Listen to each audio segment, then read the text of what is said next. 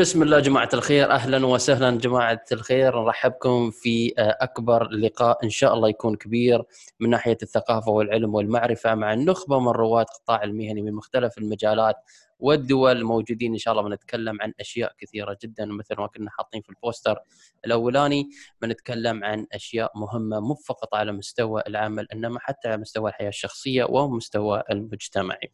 طبعا اليوم عندنا أشخاص كثار ما مهما نتكلم عنهم ما شاء الله انجازاتهم كثيرة وموجودة بس بنذكر أشياء بسيطة جدا. باليوم أنا عندي قدامي في الشاشة على اليمين عندي ابتسام الخيفي من سلطنة عمان هي أخصائية علم نفس مؤسسي. صح ولا لا؟ جبتها صح يعني المره أوكي على أساس دوم ألخبط. آه ومؤسس مركز سمات آه في نفس الوقت عندنا أقصى اللي صار عندنا سارة الباكري. آه كوتش معتمد وخبير في الموارد البشرية من دولة الإمارات العربية المتحدة. نرحبكم وعندنا الدكتور وجدي ما شاء الله عليه في الاستراتيجية والإدارة والقيادة. الدكتور ما شاء الله يعني غني عن التعريف اليوم بيعطينا نبذات كثيرة حلوة. عندنا نوال مدرب مؤسسي معتمد من سلطنة آه، أو من لبنان بس موجودة في سلطنة عمان. ودكتور وجدي من فلسطين موجود في مملكة البحرين. وسلطانة من السعودية هي مدير عام السعادة. وإن شاء الله وأنا معاكم أخوكم وأخويكم كوتش فهد. إن شاء الله اليوم نتلاقى وندردش على أمور كثيرة. مثل ما قلنا لكم جهز ورقة وقلم أو دفتر آه، دلة قهوة أو شاي وسح وتمر. وفي نفس الوقت إذا عندك بعد ماي زين لأن الموضوع بناخذ له ساعة ساعة وربع تكتبون ملاحظاتكم. وإذا عندكم أي استفسارات أي شيء ثاني لا تترددون. وتعطونا آرائكم في اللي حابين نتكلم عنها بصفة عامة. آه، طبعا في ناس قاعد ترفع أياديها عندنا هيام آه، وطبعا نرحب بكل اللي موجودين آه، ما شاء الله عليكم وإن شاء الله إذا عندكم أي استفسارات حطوهن على الشات أو على الكيو ان إي تاب وبرد عليكم إن شاء الله. آه، أول شيء طبعا للجمهور مثل ما نقول نحن آه، كل عام وأنتم بخير مؤخرا يا متأخرة آه، إن شاء الله يعود الله يعودها علينا وعليكم بالخير والبركة. عندي طبعا أعطيتكم نبذة سريعة عن الجميع لكن اليوم بنبدأ اللقاء مع الأخت ابتسام اللي مثل ما قلنا لكم أخصائية علم نفس مؤسسي إذا أنا ما أكون غلطان الارتباط الوظيفي والإنتاجية صح؟ نعم صحيح. هو صح إنزين فاليوم المحور العام والمظلة العامة بتكون اليوم كيف تقدر تخلي شهر رمضان المبارك نقطة تحول نحو حياة مستدامة في المستقبل؟ تمام؟ مو بس اليوم نقطة تحول اليوم نرد باكر بعد العيد خلاص آه، على عادتنا القديمة لا لازم نكون نقطة حياة تحول على المستوى الشخصي المهني آه، الاجتماعي آه، في ريادة الأعمار وغيرها من الأمور فأعطينا رأيك في محورك ولك الوقت مثل ما اتفقنا نبغى نسمع منك ونتعلم منك. وأنا للعلم طبعا الدفتر مالي موجود على أساس ما حد يقول لي أنت ما تتعلم لا أنا قاعد أتعلم وياكم يعني فعادي. خذي راحتك الميكروفون لك آه، مشكور فهد ويعطيك العافية. طبعا نشكرك على هاي المبادرة اللي دائما يعني أنت مسؤول عنها. صراحة شكر موجه لك إنك جمعتنا موجودين اليوم وما شاء الله المتابعين عندنا بعد. آه، فكرنا إحنا في مواضيع كثيرة آه، بالنسبة لنقطة التحول. واتفقنا على أن النقاط اللي راح نناقشها هي قريبة من تخصصاتنا وخبراتنا ومجالنا ممكن فيها نفيد المتابعين فأتمنى المواضيع راح تفيدكم. آه، الموضوع اللي حابه أتكلم فيه آه، هو يمس آه، الأشخاص ويمس كذلك المؤسسات أو أصحاب العمل وفي النهاية كل المؤسسات هي عبارة عن أشخاص وعبارة عن ناس ووقت رمضان هذا وقت جدا مناسب الواحد يعمل فيه ريفلكشن يعمل فيه تفكير وتأمل وجلسه مع النفس ويراجع نفسه هل هو في المكان الصحيح في الوظيفة الصحيحة إذا كنت رب عمل أو إذا كنت مسؤول هل أنا مؤدي اللي مطلوب مني بشكل مباشر وهل أنا عندي القدرة على أدير فريقي بالطريقة المناسبة وقادر على أن عمل جميع يكون منتج يعني في مجاله. فراح نتكلم عن الارتباط الوظيفي. مصطلح الارتباط الوظيفي أو الارتباط ككلمه نستخدمها كثير في المواد البشرية. بس إحنا ما نريد نصعب الموضوع. راح الموضوع نخليه جدا سهل حيث يكون في متناول آه، الجميع. آه، كلمة الارتباط هي آه، أن الشخص يكون فكريا وعاطفيا وجسديا مرتبط بشيء معين. على سبيل المثال مثلا واحد عنده هواية معينة خاصة الحين في رمضان طلعت هوايات كثيرة. طبخ أو رياضة أو مثلا ألعاب الفيديو أو يألف كتاب أو يقرأ وغيره تحصل أنه هو مستمتع ومنغمس في هذه الهواية. فإيش معناته؟ معناته هو مرتبط فكريا مع هذه الهواية اللي جالس يعملها عاطفيا هو يحبها وشغوف فيها وجسديا مشغل حواسة مثلا يشتغل عليها مثلا يعزف أو يقرأ أو أو, أو يطبخ وغيره. فهو مشغل كل حواسه مستمتع في هذه العملية. وتشوفه دائما يكلم الناس عنها ويقترح الناس الآخرين يتكلموا عنها. وخصوصا إذا هذه الهواية مثلا مرتبطة بمعنى في حياته أو هدف معين أسمى من ال ال الهدف اللي جالس يعمل فيه. مثلا إذا يسوي رياضة هدفه إنه الصحة وغيرها. كل ما كانت هذه الهواية مثلا مرتبطة بالمشاعر الإنسانية كم ما هو يكون منغمس فيها أكثر ويأديها بحبه من قلبه يعني فهي هذه فكرة الارتباط فإحنا لما نتكلم عن الارتباط في المؤسسة أو في الموظفة أو في يعني في مجال العمل معناته أن الشخص مرتبط جدا وعاطفيا مشغول بهذا العمل الذي يقوم فيه ويسخر وقته إنه يتعلم مهارات جديدة يريد فرص أكثر عشان يطورها بطبيعة الحال. فايش معناته في العمل؟ هذه ناقشناها كهوايه إيش معناتها في العمل؟ معناته إن الشخص عنده القدرة على الأداء وغيرها. وليش هي مهمة أصلا؟ ليش أنا مهم أكون مرتبط بعملي؟ أو أنا أكون engaged in my work ليش هو أصلا مهم؟ اكتشفوا دراسات كثيرة إنه الشركات أو المؤسسات اللي فيها الأشخاص مرتبطين بمجال عملهم. هذه الشركات أرباحها جدا عالية وقد ممكن تزيد نسبة الأرباح فيها إلى 20% ليش؟ لأنه هذا الشخص محرر طاقاته ومستخدمها بشكل كامل لأن مشاعره كلها مسخرة في هذا المجال اللي يعمل فيه. واكتشفوا إن حالات الغياب تقل في هذه المؤسسات الستريس والضغط النفسي يقل الاعذار بعض الناس تتعذر وأنا مريضة وأنا كذا وما يحب يروح الدوام لأنه مو المسألة أعمق من كذا هي مو مسألة هو ما يريد أو متكاسل أو متهاون هو ما عنده إحساس وارتباط مع العمل اللي فيه وممكن قدراته ونقاط قوته لم يتم استغلالها. في بعض الاحيان نقول إنسان غير مرتبط معناته قوته أو قدراته و skills اللي عنده غير مستغلة فيؤدي إلى الإحباط وعدم قدرته على الأداء والإنتاج في العمل. فإيش ممكن أرباب العمل يسوون؟ ما أعرف إذا أقدر أعمل share على السريع أو لا. if I share my screen بس ما أريد أخربط الدنيا. يصير نعمل share؟ والله ما دام تسوين share يلا سوي مع إن نوال طلبت قلنا لا ما تزعل آه. مننا نوال. انزل الوقت قصير باقي ثلاث دقائق أو أربع دقائق. فما راح بعدين إذا صارت في أسئلة إذا كانت في أسئلة ممكن نعرضها بعدين ليش لا؟ فمثلا آه، رب العمل إيش ممكن الأشياء آه، اللي يقدر يعملها حاليا عشان أو يفكر فيها حتى مثلا بعد هذه الأزمة عنده فترة يفكر وي reflect ليش أنا مؤسستي ما تأدي؟ ليش الأشخاص اللي موجودين عندي ما يأدوا؟ أو مثلا هم هل هم صحيح engaged ولا لا؟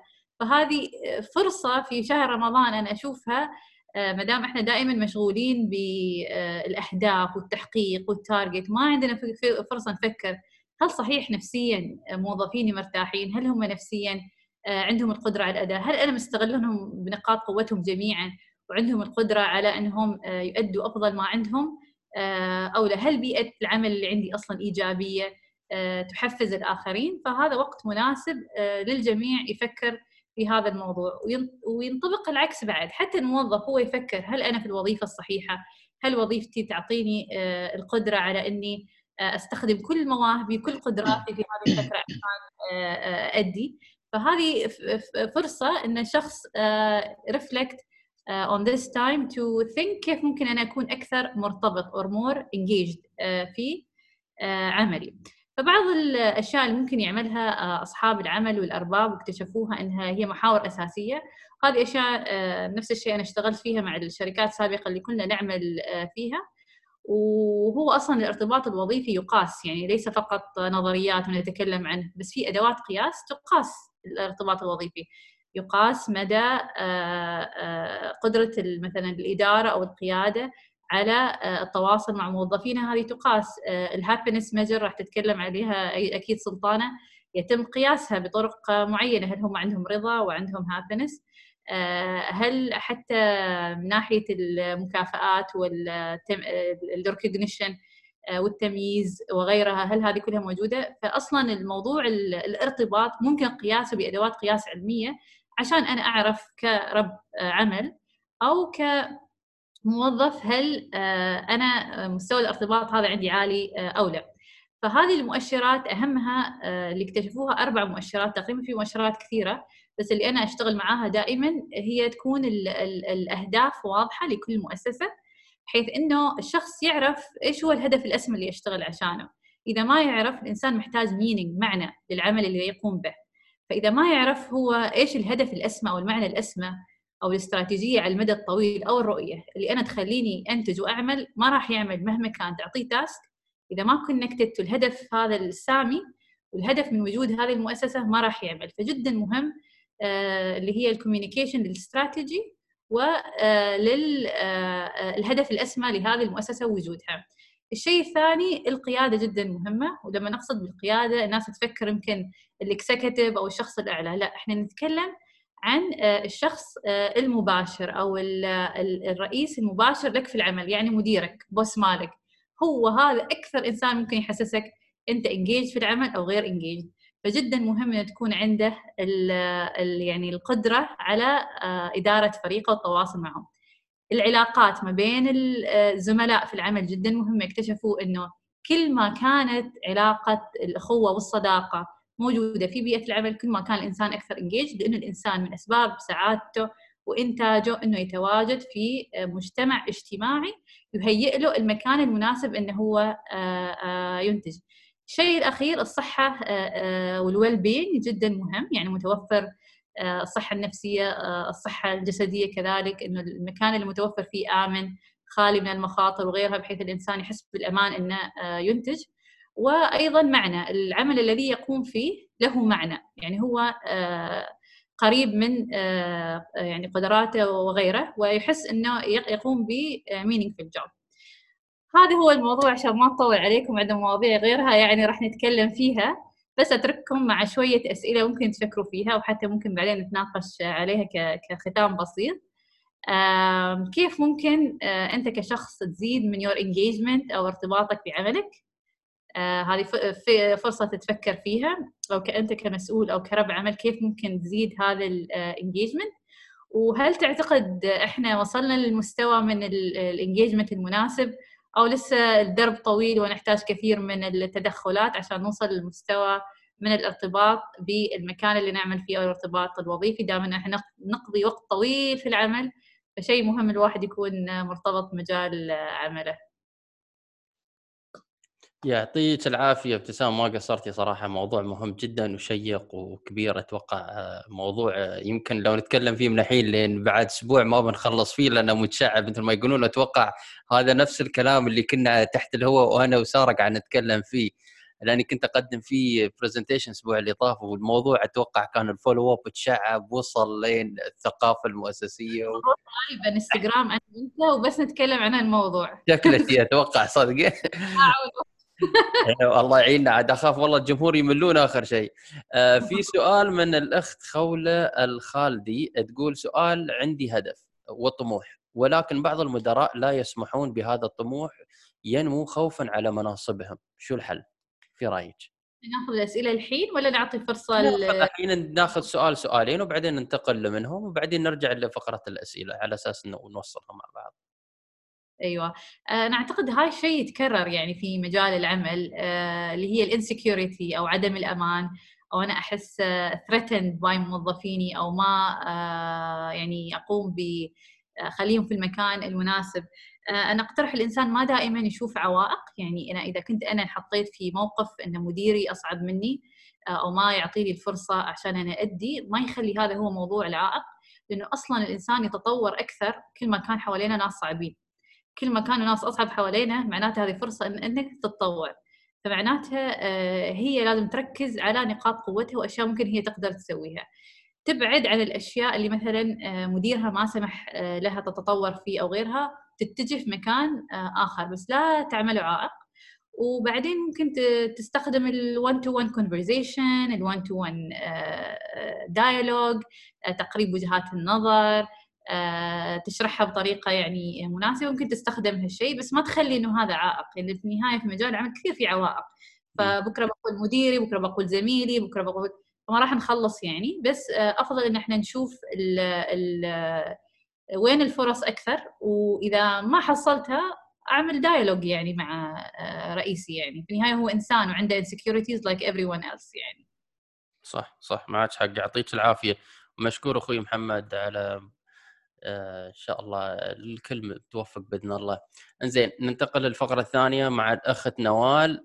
آه، بتتكلم اليوم عن موضوع مهم جدا أتوقع إدارة التغيير والتأقلم، موضوع مهم جدا خاصة إحنا اليوم موجودين في شهر رمضان المبارك. أعتقد لازم نستغلها ك فرصه أو أو سبب على أساس نقدر نتطور. بالإضافة إن إحنا اليوم نعيش في وضع سلبي للأسف اللي هو أزمة كورونا. بس أزمة كورونا دفعت ناس كثار إلى يطلعون من ال comfort zone الخاص فيهم. بس السؤال هل ال comfort zone هذا اللي طلعوا منه بيرجعوا له مرة ثانية ولا بيكون comfort zone ثاني؟ كل هذا بتجاوب عليه أو بتعطينا تفاصيل أكثر الأخت نوال. نوال الميكروفون لك. السلام عليكم جميعا وشكرا كثير coach فهد على هالمبادرة.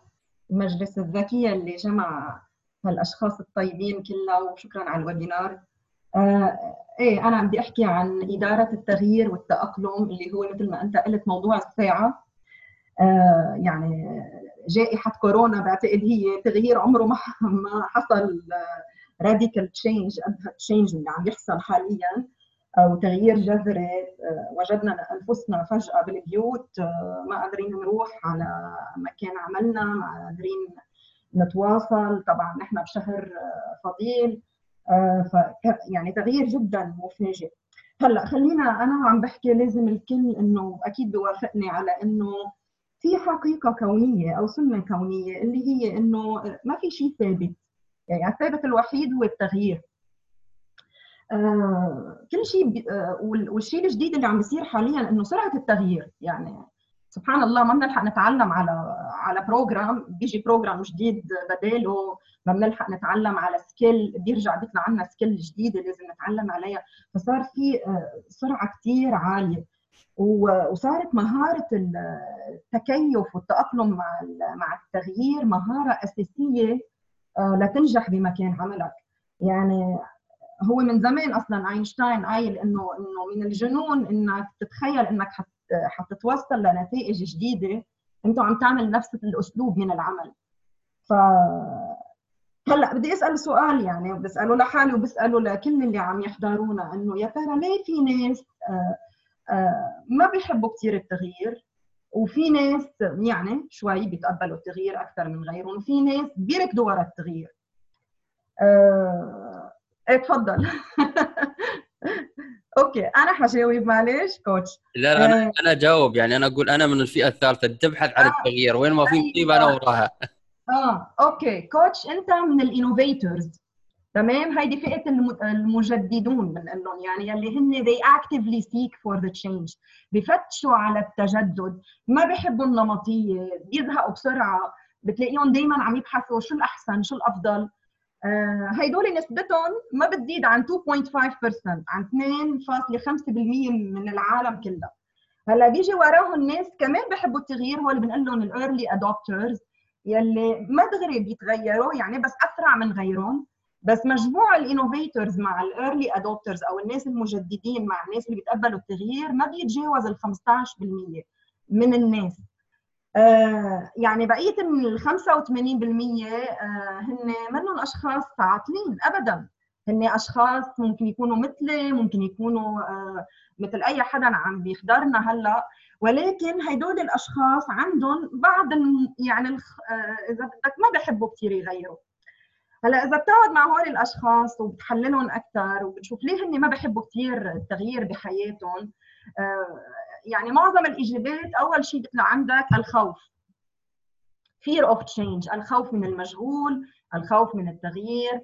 آه مثلا مثل ما أنت قلت موضوع منطقة الراحة اللي تعودنا نسمعها أو ال comfort zone آه يعني الإنسان يألف ما اعتاد عليه يألف إنه طب ما أنا آه يعني معود ليه بدي يلي المضمون أحسن من مش مضمون؟ آه عندنا مثل باللبناني بنقول عصفور بالإيد ولا عشرة على الشجرة. فكمان هيدا نوع من الأشياء اللي تربينا عليها باللاوعي تبعنا إنه دائما نتجنب التغيير أو نحاول إنه خلينا بالمضمون بنخاف بركي زبطت بركي ما زبطت يعني لدرجة إنه في أشخاص جودة الحياة تبعهم بتضلها لو يعني ما بتتغير لأنه قد ما هن خايفين يجربوا شيء جديد. يعني على الصعيد المهني وعلى الصعيد الشخصي. ممكن تلاقي مثلا شخص بشركة منه كثير سعيد فيها مع إنه عنده إمكانية إنه يروح على محل ثاني ويجي اوفر أحسن بس الخوف من المجهول والخوف من التغيير بخليه يتردد شوي وبيقول لك يا عمي خليني أنا بهيدي الشركة بعرف الناس وتعودت على تعودت تعودت عليهم هيدا اللي هو إنه صرت عم بألف هيدول الأشخاص. ممكن يكون عايش ببلد جودة الحياة اللي فيه منا كثير wow وعنده opportunity أو عنده فرصة إنه يروح على بلد ثاني ب package أحسن ب level أحسن. بس كمان بيكون خايف خايف خايف خايف. كله هيدا موضوع خوف. آه هيدا أول سبب. السبب الثاني ممكن يكون سمبلي الكسل. يعني سبحان الله في ناس ما لهم جلد يغيروا. يعني بقول لك إنه عم كبر يا عم كبر. لشو؟ ما نحن مرتاحين ومبسوطين وإنه ليه بدي اقعد اتعب حالي انه التغيير بده همه منه شيء سهل يعني الكلام سهل ولكن التطبيق منه هالقد سهل. فاللي بي... اللي بيحبوا دائما يجددوا innovators قلنا عنهم هول أشخاص نشيطين بطبعهم. يعني ما بيحبوا ابدا إنه يبقوا لا دائما بيبذلوا مجهود. فإذا رجعنا اذا لموضوع ليه الناس بتقاوم التغيير؟ قلنا أهم شيء اللي هو الخوف من المجهول أو ممكن يكون الكسل. طبعا في أسباب ثانية بس هن أهم اثنين هن الخوف. والكسل. طيب لنقول حصل تغيير تمام؟ هلأ بيقولوا لك إنه في ردات الفعل للتغيير تتبع نوع من الكيرف أو نوع من الرسمه يعني أول ما يحصل تغيير جذري بحياتك سواء أنت بتحب التغيير أو ما بتحبه. أول ردة فعل عنا بيكون عنا نوع من شوك صدمة. مثلا مثل نرجع لجاء اللي صار بكورونا والحجر المنزلي. يعني أول ما اعلنوا إنه خلص قعدوا ببيوتكم واشتغلوا من البيت طبعا الناس كلها صار عندها نوع من الشوك أو صدمة. إف معقول؟ يعني شو عم بيصير؟ هالقد الموضوع يعني كبير. فاذا هيدا أول رده فعل. آه، ردة فعل بتصير عندك هو نوع من الدينايل أو النكران. لا لا لا لا ما معقول. كلها مسألة شهر وبلاقوا لقاح وبنرجع على مكاتبنا. مش مستاهل إني غير أسلوب عملي. يعني بعدك أنت آه، ما تقبلت بعدك بمرحلة ال denial. هلأ بعد الإنكار هون عم تنزل ال productivity تبعك أو الإنتاجية تبعك عم تنزل. توصل لمرحلة مرحلة بنقلها إذا بدك ال frustration القلق الإحباط آه، ممكن توصل حتى لل depression للاكتئاب. يعني انت اذا بعدك منك متقبل الموضوع آه، ممكن هيدا الشيء يسبب لك حالة نفسية كثير صعبة. هلأ من بعد ما توصل لتحت آخر شيء بتبلش شوي شوي تطلع من هالقعر بتطلع طب خليني اجرب شكله الموضوع إنه خلص هو حقيقة واقع. طب ليه ما بجرب إني غير؟ ليه ما بجرب إني مثلا أطلع من هالدائرة القلق والخوف وال آه، يعني والتردد. هون بيبدأ ال learning وال experimenting والتعلم. وعم نرجع شوي شوي نطلع نوصل إذا بدك ال growth منطقة ال growth يلي آه okay آه نحن هلأ يعني okay نحن معظم الشركات على فكرة رح أعطي example لقرب الموضوع أكثر معظم الشركات إن كان بال private sector أو مش بال مش بال private sector ما كان عندهم online channel قبل الكورونا. أو كانوا عم بيأجلوا هيدا الموضوع. يعني okay ماشي حالي وعم بحقق مبيعاتي وعم بحقق ال target تبعي. لما حصل الحجر وبطل فيك تفتح ال channel لل consumers هدول الناس اضطروا إنه يغيروا وسرعوا بالموضوع. يعني كانوا وصلوا لتحت بعدين بلشوا يطلعوا هلا عم يتأقلموا. بلشوا يعملوا adaptation يلي هيدا اللي بنقول له التأقلم. بدأوا إنه لأ والله هيدا الشيء حيستمر ما بعد كورونا ف let's develop our website let's develop our this channel. ويعني الإحصائيات بتقول إنه في كثير شركات من يلي بيتعاملوا ب بال online business زاد عددهم بهيدي الفترة بشكل مش طبيعي. وعلى فكرة أكبر دليل هيدا المجلس يعني هيدا one of the examples. نحن ما بحياتنا كنا نعرف بعضنا وسبحان الله بعد هيدا يعني خلال هالأزمة تجمعنا. فهيدا this is adaptation أو هيدا نوع من التأقلم مع التغيير. هلأ انتقالك من كل ردة فعل للثانية هيدي بنقول المرونة أو هي قد عندك أنت flexibility سرعتها بتختلف من شخص للثاني كل ما كان عندك flexibility أعلى كل ما أنت كنت شخص مميز رح تقدر ت survive أكثر. والموضوع بطل luxury الموضوع مسألة يا حتكون مرن يا أو مع السلامة يعني حيلاقوا غيرك حيستبدلوك بحدا بيتقبل التغيير أكثر. ما بدي طول كثير آخر شيء حأعطي خمس نصائح. للتعامل مع التغيير. كيف بدنا نكون متقبلين أكثر أول شيء نصيحة رقم واحد لا تخاف من التغيير. هيدا وهم. لما يحصل تغيير دائما اعمل له هيك براسك يعني تطوير يعني learning يعني شيء إيجابي يعني شيء إن شاء الله للأفضل. فأول ما تحس إنه أنت عم تمرق بشيء مضايقك عرف إنه أنت رب العالمين بده اياك تعلى بدك تتطور. انظر له على إنه هو learning على إنه هو فرصة للتعلم. فهي أول نصيحة. النصيحة الثانية إذا أنت بطبعك شخص يعني ما قادر ما تخاف. أنت بطبعك يعني شوي بده بدك دائما بوش فأنا هون بنصحك إنك خالط الأقوياء. يعني حرّاص على إنه يكون عندك ناس بال group بمجتمعك بمكان عملك بين أصدقائك ناس بولد شجعان يحرصوا على إنه دائما يواكبوا التطورات. الصاحب ساحب. يعني لما تخالط الأقوياء لما تخالط المبدعين لما تخالط الناس ال leaders أنت بتصير تتحمس بيعطوك push تمام؟ نحن عم نحكي عن الأشخاص اللي هن منهم سلبيين وبيرفضوا completely لا هن أشخاص جيدين ولكن يلزمهم شوية دعم. تمام؟ آه نصيحة رقم ثلاثة it's never too late ما تقول ابدا إنه لقد فات الأوان. يعني ما تقول إنه يي هلأ أنا صار عمري فوق X من الأعمار إنه خلص هلأ بدي أغير career. ما بقى مستاهل الموضوع. صرت لا ابدا. ما فات الأوان ابدا وما تفكر بهالطريقة السلبية. وفي ناس كثير سبحان الله حققت نجاحات يعني عظيمة لما كانت بمرحلة متقدمة من العمر. آخر شيء آه، بختم. بما إنه رمضان نقطة نقطة تحول بدها تكون السنة إن شاء الله صدوق النية مع رب العالمين. آه، وإذا عزمت فتوكل على الله. يعني سبحان الله رب العالمين لما بيعرفك إنه أنت حاطط هدف بدك تتغير بس يا رب عيني على نفسي عيني على مجاهدة نفسي. هيدا أهم شيء الصدق العزيمة. ما تضلك بالشعارات بدك همة بدك عزيمة. وشهر رمضان يعني ابواب السماء مفتحه مثل ما بيقولوا ف آه، بإذن الله تعالى بعد هالجلسة أتمنى يوصل علم نافع للناس ونكون سبب بالتغيير الإيجابي وأنا سامحوني إذا طولت عليكم. يعطيك العافية أستاذة نوال. ما قصرتي صراحة كلام جميل وأكثر من رائع والكل لحد الحين تشوف ما شاء الله مشارك. وأتوقع عندنا عدة مشاركات على الشات. في عندنا الأخ عبد الرحيم أتوقع قال فعلا هو مر بمرحلة عدم تقبل أتوقع خاصة في موضوع أن يعني, العمل من البيت مش متقبل العمل بس أتوقع في الأسبوع الثاني تأقلم مع العمل المنزلي وصار انه موضوع فقط كان مؤقت وبعدين مشى. بس في عندنا سؤال حق قبل ما ننتقل للدكتور وجدي عندنا سؤال واللي هو من بروفيسور طارق أتوقع سؤال فني جميل جدا وهو آه، ما هو الفرق بين التطوير المستمر والتغيير وكيف يتم التعامل مع المجهول في مخاوف التغيير؟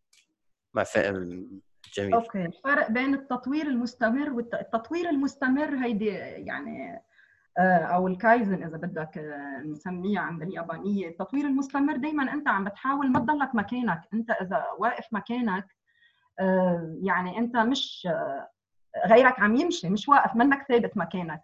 هيدا هو بهالمعنى. أنت دائما بدك تحاول إنك تتطور تفتش وين الأفضل. التطوير المستمر هيدا شيء أنت you initiated شيء أنت أنت المسؤول عنه. أحيانا التغيير الفرق بينه وبين التطوير المستمر التغيير قد يكون شيء خارجي. تمام؟ فأنا من وجهة نظري آه، التطوير المستمر شيء أنت دائما حريص عليه. أنت دائما عم بتحاول إنك تطور من نفسك.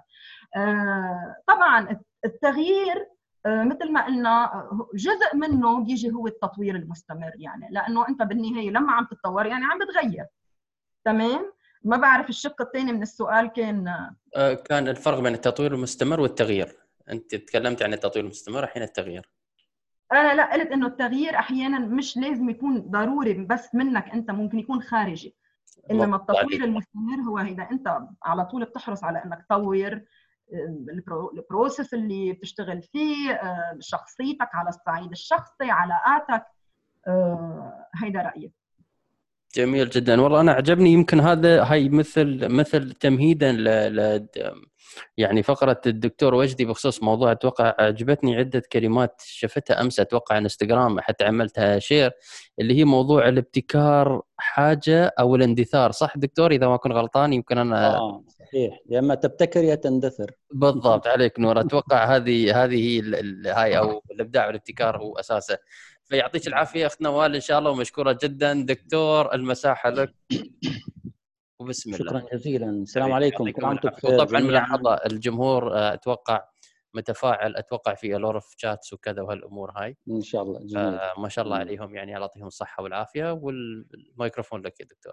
شكرا جزيلا. كل عام وأنتم بخير جميعا وشكرا أخي العزيز فهد على هذه الجمعة المهنية الممتازة ومع يعني كل عام وأنتم بخير جميعا والحضور.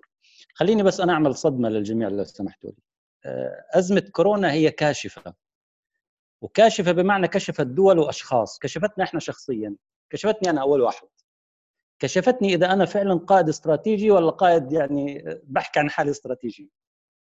كشفتني اذا أنا مؤثر أصلا على المستوى الشخصي ولا بنفسي ولا أصلا رايح اثر في الآخرين وأنا بضحك على عمري أصلا قبلهم كلهم. فهي كانت كاشفة أزمة كورونا. أنا مش راح أحكي عن كورونا بتاتا يمكن إحنا كلنا تعبنا من موضوع الكورونا نضل نحكي إحنا بنحكي على مواضيع أخرى. لكن في أزمات قبل كورونا واليوم موجودة وستستمر. في في أوطاننا وفي العالم حتى بدناش ندخل في عملية جلد ولكن هناك أزمات عديدة لكن على رأسها أزمة فكر وأزمة قيادة. الأخوات ما شاء الله علينا من ما شاء الله عليهم من أول أختنا ابتسام لأختنا نوال بتحدثوا على أزمة فكر وراح يكملوا أعتقد أختنا العزيزة سارة وأختنا سلطانة. راح يحكوا في أزمة فكر أنا بتحدث على أزمة قيادة تحديدا. لكيفية تقود هذه تقود هذا الفكر أو تقود هذا التحول. في سؤال جميل اللي كان عنوان هذا اللقاء كيف يمكن أن يكون رمضان المبارك نقطة تحول. فهل إحنا جاهزين كلنا إن إحنا نبدأ بإذن الله تعالى قيادة هذا التحول على المستوى الفردي والمؤسسي؟ إن شاء الله جاهزين. أنا لقائي عملي تماما. آه، ومستوحى يعني إن شاء الله ما تعتبروه تسويق لكتابي. كتاب جديد عن 50 قاعدة استراتيجية ومبنية من رسالة الدكتوراه تبعتي ومبنية حتى على حوالي 500 أكثر من مرجع عالمي. وبما يتناسب مع واقعنا المحلي بما يتناسب مع بيئتنا خلينا نحكي المهنية ومن تجربتي الحياتية. فكان تحدي أنا بالنسبة لي كيف أطلع من ال 50 قاعدة أجيب لكم وين القواعد اللي ممكن إحنا نستفيد منها في لقائنا اليوم في في الربع في الساعة إلا ربع اللي معطيني إياهم فهد اليوم أنا أحكي فيهم. ساعه إلا ربع صح؟ معي 10 دقائق.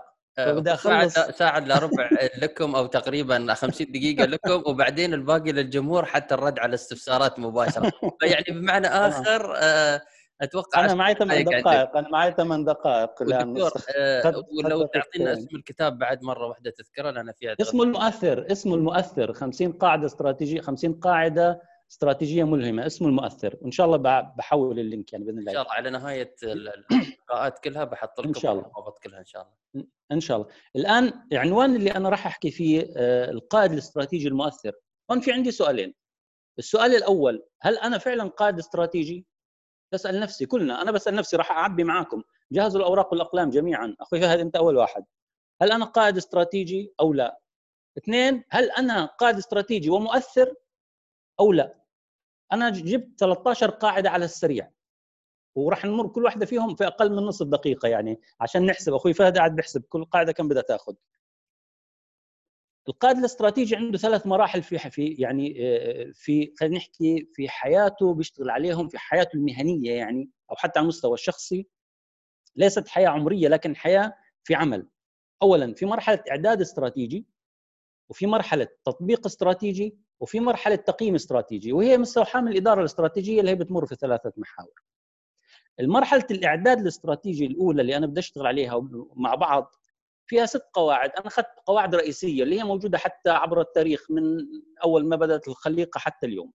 بس نرجع نأكد فيهم لأنه فيهم خلل لا زال عندنا أو عند بعض الأشخاص. فعندي الآن مرحلة الإعداد الاستراتيجي ولو سمحتوا راح أعطيكم مقياس تشتغلوا عليه. عندنا من واحد إلى خمسة. ركزوا معي واحد ضعيف اثنين مقبول ثلاثة جيد أربعة جيد جدا خمسة ممتاز. يعني أنا أول ما أسألك السؤال حط على نفسك الدرجة عشان راح تجمعوا في الآخر أنتم مع نفسك وتشوف إلى أي مدى أنا استراتيجي ومؤثر. واحد ضعيف اثنين مقبول ثلاثة جيد جيد جدا أربعة خمسة ممتاز. أول شيء القائد الاستراتيجي لازم يمتلك قيم رفيعة يؤثر فيها على الآخرين. بدون قيم كل الكلام اللي حكته أختنا ابتسام أختنا نوال على الفاضي. هذا الكلام الرائع ما راح يمشي مع الناس. ال 20% اللي حكت عليها في الأرباح ممكن احتمال تزيد اختنا ابتسام بسبب إنه القيادة عندها القيادة العليا في عندها استراتيجية وعندها تأثير وبالتالي الناس حابين شغلهم. الآن السؤال لو سمحتوا وقيم رفيعة هون كل واحد بطريقته آه، مصداقية شفافية. إحنا بنشوفها هي موجودة في كل الخطط الاستراتيجية بس إلى أي مدى يطبق على أرض الواقع؟ أنا ما بدي أحط خطة استراتيجية وأكتبها وأضحك على نفسي. هنا كمان بننفذ على انفسنا لو سمحتوا. طبقوا على أنفسكم وبس تخلصوا اليوم. اعطوا لشخص بيعرفكم لو سمحتوا. أعطيه لحد. يحكي أنا إجاباتي صحيح ولا يعني عشان تعرف نفسك إجاباتك صح ولا خطأ؟ الآن أمتلك قيم رفيعة تؤثر في الآخرين ايجابيا. تفضلوا حطوا الدرجة. أنت كشخص وأنا كشخص. أمتلك قيم رفيعة تؤثر في الآخرين ايجابيا. حطوا الدرجة. تمام؟ خلصنا؟ قاعدة رقم اثنين بعدها في مرحلة الإعداد الاستراتيجية. أملك رؤية واضحة. أنا اليوم 51 سنة الله يعطيك العمر والصحة. والله رؤيتي تشوشت. مش عارف. تشويش غير طبيعي. فهذا شيء صحي. كل مرحلة عمرية إلا إلا يصير في ضبابية في الرؤية. فممكن مرة أشوفها أربعة ممكن أشوفها خمسة ممكن أشوف ثلاثة مرات ممكن أشوفها تحت في السالب. وهذا شيء طبيعي. الآن القائد الاستراتيجي لازم يكون عنده رؤية واضحة. لأنه إذا هو مش عنده رؤية واضحه كيف بده يأخذ الأسرة اللي معه الأسرة اللي في البيت ولا الأسرة في العمل؟ هل لدي رؤية مستقبلية واضحة تفضلوا حطوا الدرجة لو سمحتوا. رقم ثلاثة مهم جدا يا جماعة الرسالة العظيمة شو دوري في الحياة؟ مش هدخل في تفاصيل أحكي لك شو أنت حدد شو دورك في الحياة ما هي غايتك في وجودك في الحياة كشخص. أنا بحكي إحنا ما بناكل إحنا مش هدفنا لا ناكل ولا نشرب ولا نلبس هذا كله مهم لكن غايتنا نخدم الناس بس على أرض الواقع التطبيق في عالم والقناعة في عالم آخر. للأسف. تفضلوا الرسالة العظيمة. إلى أي مدى عندك رسالة عظيمة ركزوا معي؟ واضحة الوجهه يعني انت عارف وين رايح؟ من خمسة حطوا الدرجة. أخي فهد لو شفت حدا مش متابع معنا كويس احكي لي أجاوب على الأسئلة. الآن قاعدة رقم أربعة. الأهداف الطموحة. يا أخي ليش البعض برغم القدرات الخارقة للعادة اللي عنده ربنا أعطاه إياها هو شايفها إلا أنه أهدافه هزيلة؟ هذا في أهداف في حد عندهم ما له علاقة بالأهداف. هنا بتيجي على إدارة التغيير اللي بتحكي فيه أختنا نوال كسل عنده مش عارف ما في. لو في أهداف طموحة سنجد علو همة غير طبيعي. وأنا ما بحكي أهداف كثيره يعني إن شاء الله هدف واحد لكنه طموح. تفضلوا لو سمحتوا من واحد إلى خمسة هل أمتلك أو لدي أهداف طموحة؟ شوف شوف ما اسرع القواعد أخي فهد على السريع. رقم خمسة قاعدة خمسة وهي خطيرة. وضوح الأولويات. أنا مش عارف موضوع الأولويات هذا خطير جدا. إحنا عارفين بحكي لك دورة في إدارة الأولويات دورة واللي بيعطي أحيانا هو نفسه ما عنده إدارة أولويات ممكن يكون. إحنا ما بنهاجمه بس هذا كلنا. اليوم خلينا نراجع أنفسنا بعد الكاشف هاي اللي إجت كورونا. والله أولوياتنا تدمرت صارت أشياء يعني غريبة القصة.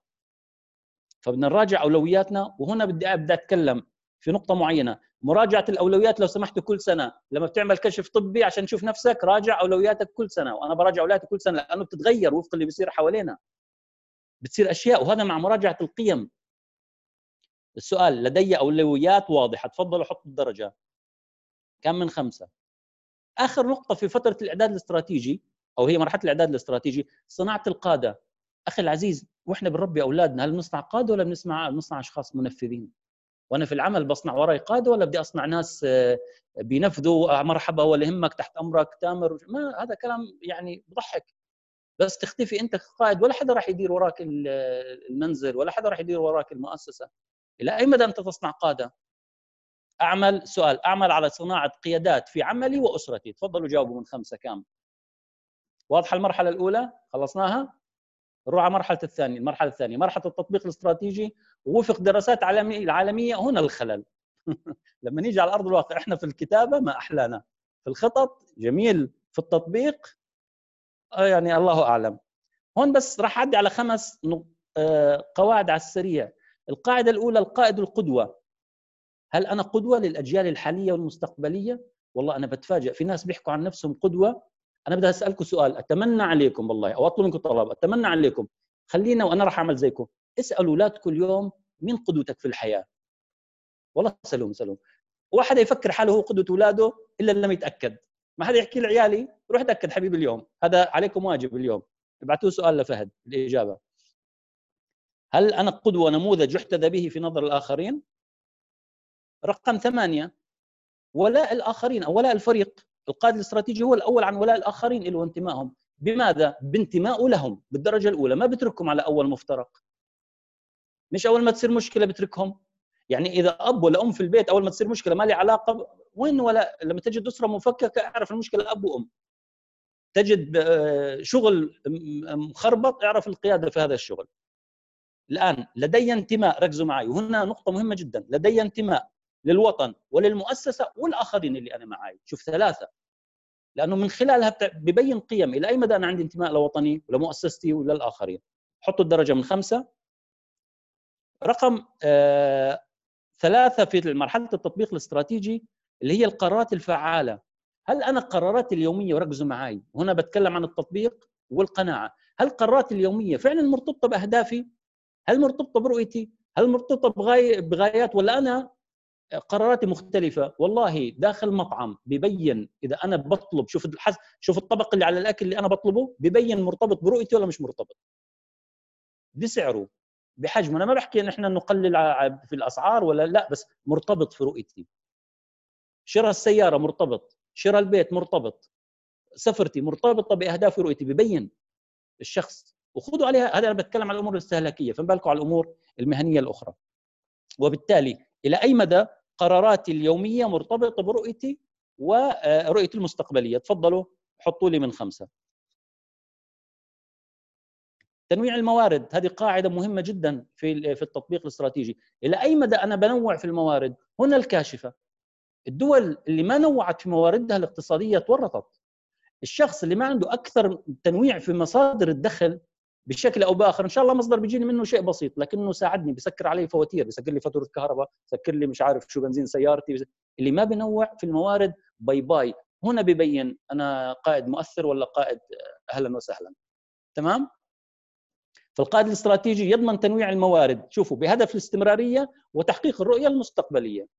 إلى أي مدى من خمسة نحطوا لي. أمتلك مهارة الإدارة الفعالة هنا للتنويع الموارد أو أمتلك أو أو لدي استراتيجية تنويع الموارد. تفضلوا. أو ممكن السؤال ببساطه أضمن وجود إيرادات متنوعة للدخل. طيب الآن آخر نقطة في التطبيق الاستراتيجي اللي هي إدارة فعالة للأزمات. ما راح احكي كيف تدير أزمة بس؟ هل فعلا أنا شخص عندي القدرة على إدارة الأزمة الداخلية والأزمة الخارجية؟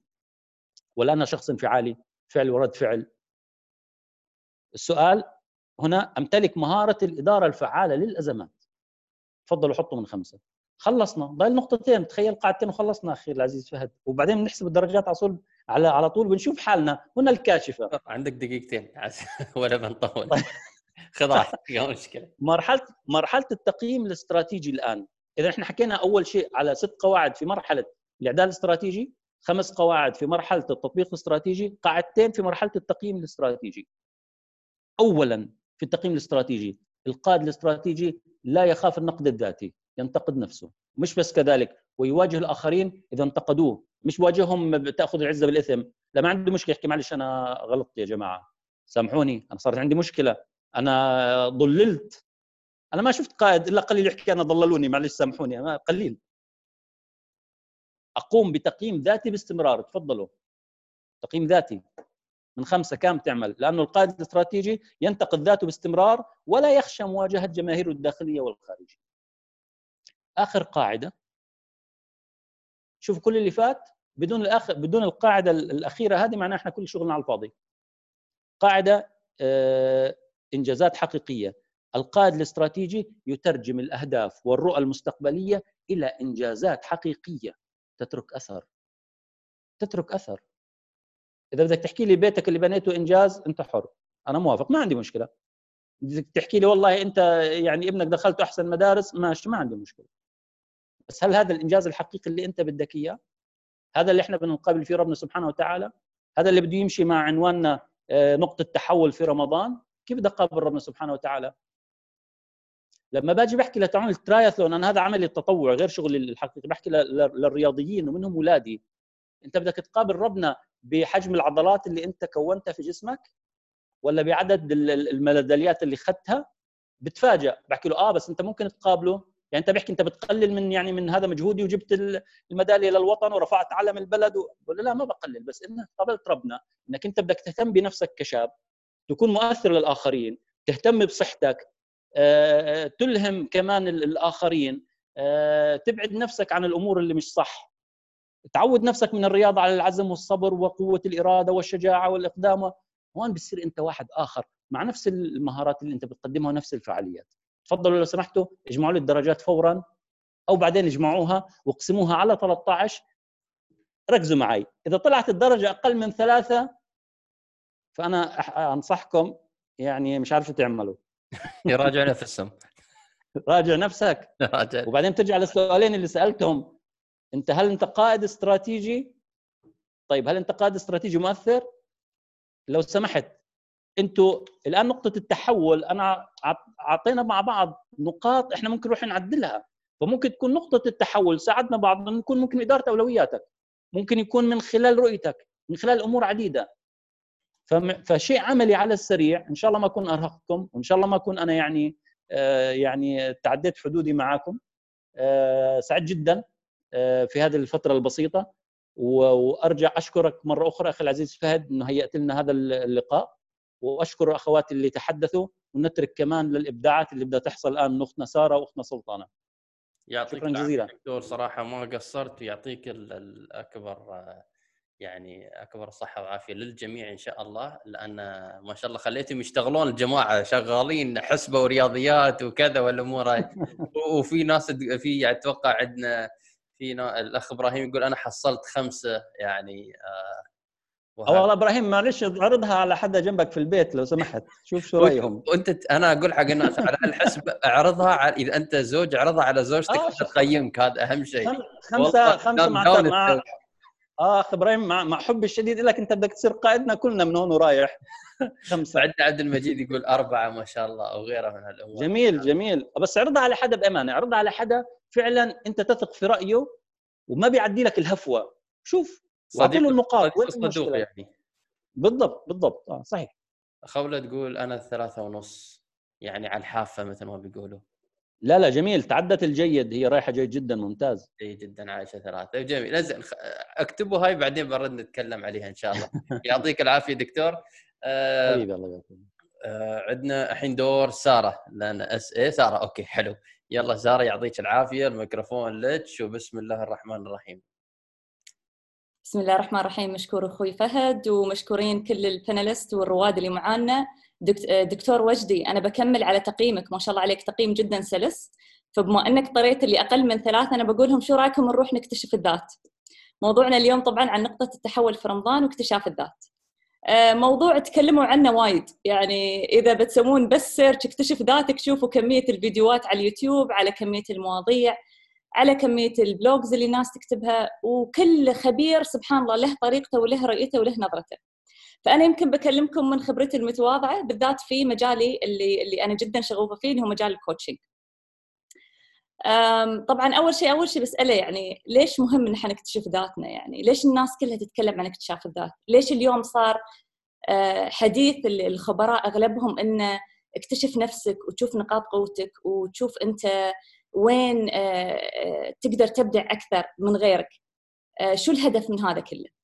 طبعا إحنا نقول الهدف في النهاية يعني أي شيء إحنا نتكلم عنه أكيد في له هدف أكبر وفي له شيء في النهاية بيسعدك أنت كشخص وبيكون له أثر خلفك. ك coaching دائما في عالم ال coaching نحن نؤمن إن كل إنسان آه، الله سبحانه وتعالى خلقه بصفات تميزه عن غيره. ودائما إحنا نشبه الصفات هذه بالمجوهرات. نقول كل إنسان داخله مجوهرات. بس بسبب الزمن والعوامل اللي مريت فيها والتجارب اللي خضتها المجوهرات هذه نوعا ما صار عليها غبار. والغبار يعني صار وايد متمسك أو لازق في المجوهرات هذه. دورنا نحن يمكن ككوتشز نحن بس نمسح ننظف الغبار هذا ونراويك مجوهراتك يعني إحنا ما نسوي شيء ما نبتكر شيء هذا كله طالع منك ومن نفسك. من تجربتي الصغيرة آه، أقدر أقول إن ومن خبرتي بالذات أنا الشخصيه لأني مريت في المراحل هذه شخصيا فأعرف نتيجة اكتشافك لذاتك واكتشافك لشغفك شو نتيجته. يعني بجانب آه، آه، شحن الطاقة اللي أنت بتوصلك على قوة على إنتاجية على تواصل على استشعار قيمك يعني حياة مختلفة تماما. إحنا نسميها حياة تحولية اللي هو transformational life سبحان الله. والأهم من هذا كله إنه يعطي راحة وسلام داخلي. فأنا بختصر هذا كله في آه، سبع خطوات بسيطة إن شاء الله آه، من وجهة نظري لاكتشاف الذات. أول خطوة بقولها استذكر شريط حياتك. جدا جدا جدا مهم إنك أنت تتساءل وتفهم الأحداث اللي مريت فيها في حياتك وتحلل شخصيتك بينك وبين نفسك. في ناس ساعات تواجههم تحديات إنه ما يعرفون أعمارهم فيقولون أنا كيف أعرف عمري؟ أو يكون عنده تصور مختلف عن غيره. فنصيحتي لكم اسألوا. اسألوا ربعكم. اسألوا اللي حولكم شو رأيكم؟ بس اسألوا with open minded يعني خلوا بالكم إن أنتم متقبلين شو ما كانت ردة الفعل وشو ما كان التعليق اللي بيوصلكم. طبعا إحنا نقول ليش لازم تستذكر شريط حياتك؟ لأن قد يكون ساعات الماضي هو الحاجز اللي يمنعك منك إنك أنت تنطلق. قد يكون عندك يعني مثل عقبة بسيطة إحنا ترى شو نسوي؟ شو نشبهها؟ اللي هو ال process اللي نسميه في ال coaching عملية المعالجة. نقول الانسان يوم يمشي ساعات لو في مثل حفرة شو يسوي؟ طبيعة بشر أنت تنط ما تبى تطيح في الحفرة. نحن في مجال ال coaching لا نشله وندخله الحفرة نخليه يعيشه ويمر في مرحلة معالجة للماضي وللأشياء اللي كونت شخصيته اليوم. ليش؟ عشان يرجع مرة ثانية ينطلق وهو مرتاح. باكر شاف حفرة ثانية يعرف كيف يتصرف فيها. ما ينط وما يحاول يتناساها. لا بالعكس عيشها. عيشها بحلوها ومرها وتعلم منها. هذه أول خطوة. الخطوة الثانية أنا أقول دائما اطرح على نفسك بينك وبين نفسك أسئلة ذكية وهادفه اللي إحنا نسميهم ال powerful questions هذه من أهم المهارات في التنمية البشرية طبعا بشكل عام. والأفضل طبعا إنك أنت تكتبها في مكان تخليها في دفتر عدالك يعني بحيث إنه دائما ترجع له وتتأمل فيه. حاول تحطه في مكان قريب منك واسأل يعني سبحان الله إذا أنت اليوم امتلكت مال الدنيا كله okay؟ وما تحتاج الكسب رزق زيادة. شو بتسوي في حياتك؟ يعني هاي أحد الأسئلة اللي إحنا ممكن نقول هادفه تخليك نوعا ما تفكر برا ال box. آه، اسأل نفسك مثلا كيف تقدر توصف نفسك في ثلاث كلمات؟ يعني اليوم في المقابلات بالذات الموارد البشرية أقول لهم okay شو الناس يقولون عنكم؟ فألقى ال candidate ساعات إنه يستوي لهم مثل pause إنه شو يقولون عنه يقعدون يفكرون. بس الشخص اللي دائما مستمر إنه يسأل نفس الأسئلة هذه الأسئلة الاجوبه تكون جاهزة عنده. خلاص لأنه عارف نفسه مكتشف ذاته. ثالث شيء أنا أقدر أقول ويكمل على كلام الإخوان اللي قبله دكتور وجدي اللي هو ابحث عن هدف. يعني جدا جدا مهم إنه يكون عندك هدف وتكون تعرف يعني وعلى فكرة الهدف ممكن يكون في ناس يهمهم منع مجاعات الأطفال وفي ناس الهدف مالهم الرسم. يعني إحنا مو بهني قاعدين نحكم على نوعية الهدف اللي أنت تحطه لنفسك. في النهاية هذا كله يتعلق بالشغف ويكون لك هدف معين وأنت شغوف فيه. فما في مقياس معين إن أنا أقول الهدف هذا أفضل من الهدف هذا نهائيا. عندك إحنا دائما نستخدم في في الكوتشنج بالذات لأن ساعات العميل يكون محتار في حياته أو بالذات يوم نتكلم عن الأولويات. ما يعرف متخبط بين الحياة وبين العمل وبين اهدافه الشخصية وبين الشغف. ففي أداة جدا سهلة وممكن تحصلونها في جوجل إذا تكتبون عجلة الحياة. عجلة الحياة بتطلع لكم مثل دائرة أتوقع الأغلب يعرفها. دائرة فيها عدة محاور. أنت تحدد كل محور آه، في حياتك وتقيم مدى رضاك عن كل محور. طبعا شو الهدف من العجلة هذه؟ أنت تشوف حياتك من helicopter view. وتشوف أنت وين تعطي يعني رضاك في في آه، محاور معينة يمكن تعطيها أكثر من اللازم وفي محاور أنت ما تعطيها وايد. وأرجع مرة ثانية أقول لكم عن عجله الحياة استخدموها حتى مع الأطفال في المنزل. يعني أنا أسويها نفسها أطبعها والأطفال إذا صغار أحط لهم ال smiley face أو sad face وأحط المحاور هذه لحياتهم هم. وشو سؤالي يكون لهم؟ ما مدى رضاك يعني إيش كثر أنت مستانس وسعيد من اهتمامي لك؟ فسبحان الله يعني بيفتح لكم آفاق وأماكن يعني اشياء تفكرون فيها؟ عمركم ما تخيلتوا إنكم ممكن يعني تفكرون فيها. النقطة الرابعة بقول لكم تصرف على طبيعتك. كل إنسان له طبيعة. والطبيعة هذه أكبر دليل على تصالحك مع ذاتك. ما فيها شيء إذا أنت صارحت الناس برأيك، طبعا الواحد يكون صريح ولكن ما يكون جريح، يعني حاسب في النهاية بطريقة الكوميونيكيشن تواصله مع غيره. وفي نفس الوقت يكون صادق ويتوقف عن مقارنته بغيره. للأسف يعني بالذات إحنا نتكلم في العالم العربي بشكل عام وايد ننحط في في مواقف إن نقارن أعمارنا بغيرنا نقول أوه فلان أحسن منا لا فلان أحسن منا فهالشيء شو يسوي؟ طبيعي يروح يشد انتباهك لغيرك وتنسى نفسك وتنسى نقاط قوتك وتنسى أنت إيش كثر شو ممكن تسوي وتنسى هدفك ويلهيك عن أشياء كثيرة. خامس نقطة بقول لكم باختصار اللي هو اكتشاف الذات يكمن في الرحلة وليس الوصول إلى هدف معين. في الرحلة بتتعلم، في الرحلة بيكون لك تجارب، في الرحلة بتطيح، في الرحلة بتوقف، بتتعلم. يعني ما في شيء إن أنا عشان أكتشف ذاتي خلاص حياتي راح تكون آآ آآ واضحة وأنا ما راح أطيح وأنا أعرف، لا بالعكس. لما أنت تكتشف ذاتك تعرف إنك أنت في رحلة وكأنك في قطار كل مرة بتوقف في محطة والمحطة هذه لها تجاربها وبتتعلم منها. يعني عيبتني كلمة آه، صاحب اسمه الشيخ محمد بن راشد المكتوم في كتابة تأملات في السعادة والإيجابية.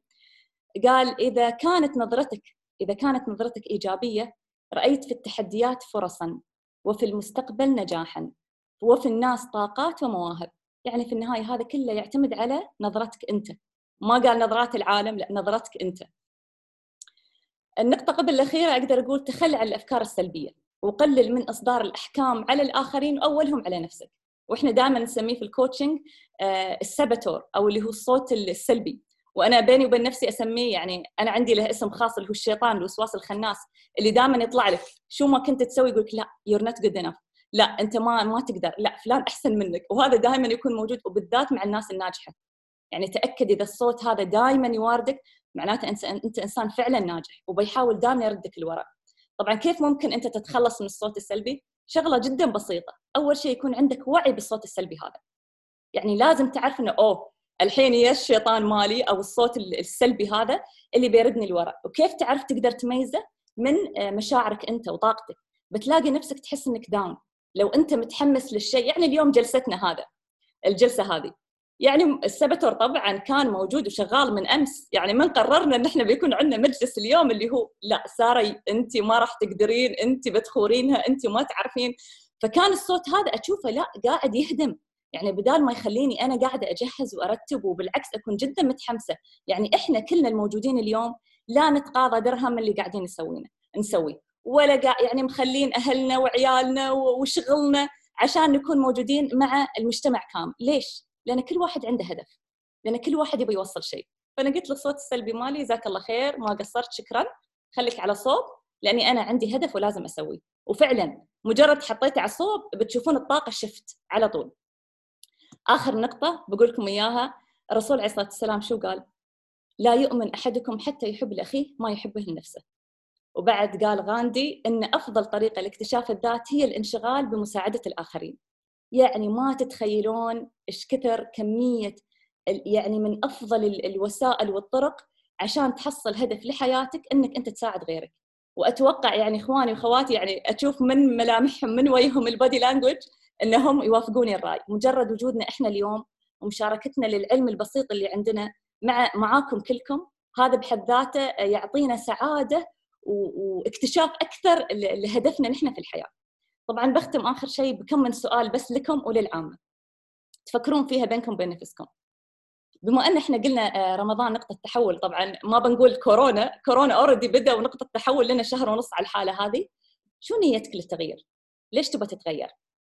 وهل أنت واعي بذاتك وبإمكاناتك وطاقتك الكامنه السؤال الثاني شو نقطة التحول بالنسبة لك بعد مجلسنا هذا؟ كل إنسان له نقطة تحول مختلفة عن غيره فأنت حاول تسأل نفسك شو بالنسبة لك نقطة التحول وبالذات بعد بعد المجلس هذا؟ وآخر شيء ما مدى إدراكك لثقافة أنت المسؤول عن حياتك؟ ونوقف لعب دور الضحية ويعطيكم ألف عافية. يعطيك العافية. كوتش سارة صراحة أبدعتي والكل أبدع ما شاء الله عليك وصراحة نقاط طيبة ذكرتيها. موضوع التسامح آه، موضوع مهم جدا واحد يتسامح ويا نفسه أول شيء قبل ما يتسامح مع الناس. آه، لأن اليوم حلو آه، الصراحه الصراحه حلوة. بس في مثل شعبي يقول الصراحة راحة بس إذا زاد عن حدها انجلبت إلى للأسف وقاحة. فلازم واحد يراعي مشاعر الناس في نفس الوقت يتسامح مع نفسه. في هذه الأمور. وأتوقع مختصر يمكن كلامك انت وكلام الأخت نوال أو كلام حتى آه، كل الدكتور وجدي وابتسام إن الله لا يغير ما بقوم حيث يغيروا ما بانفسهم فاليوم لا تتوقع إنك أنت تمشي بنفس الأسلوب تتوقع نتائج مختلفة تغير أسلوبك تتغير نتائجك. صراحة كلام جميل جدا والكل قاعد يتفاعل. عندنا آه، الكل يشكر فيك موجودة على الشات تقدرين تشوفين مع الشات بس في سؤال مهم جدا من أتوقع آه، خولة أتوقع في سؤال تقول في كتاب معين تنصحينه بما يتعلق في الموضوع اللي تتناقشينه؟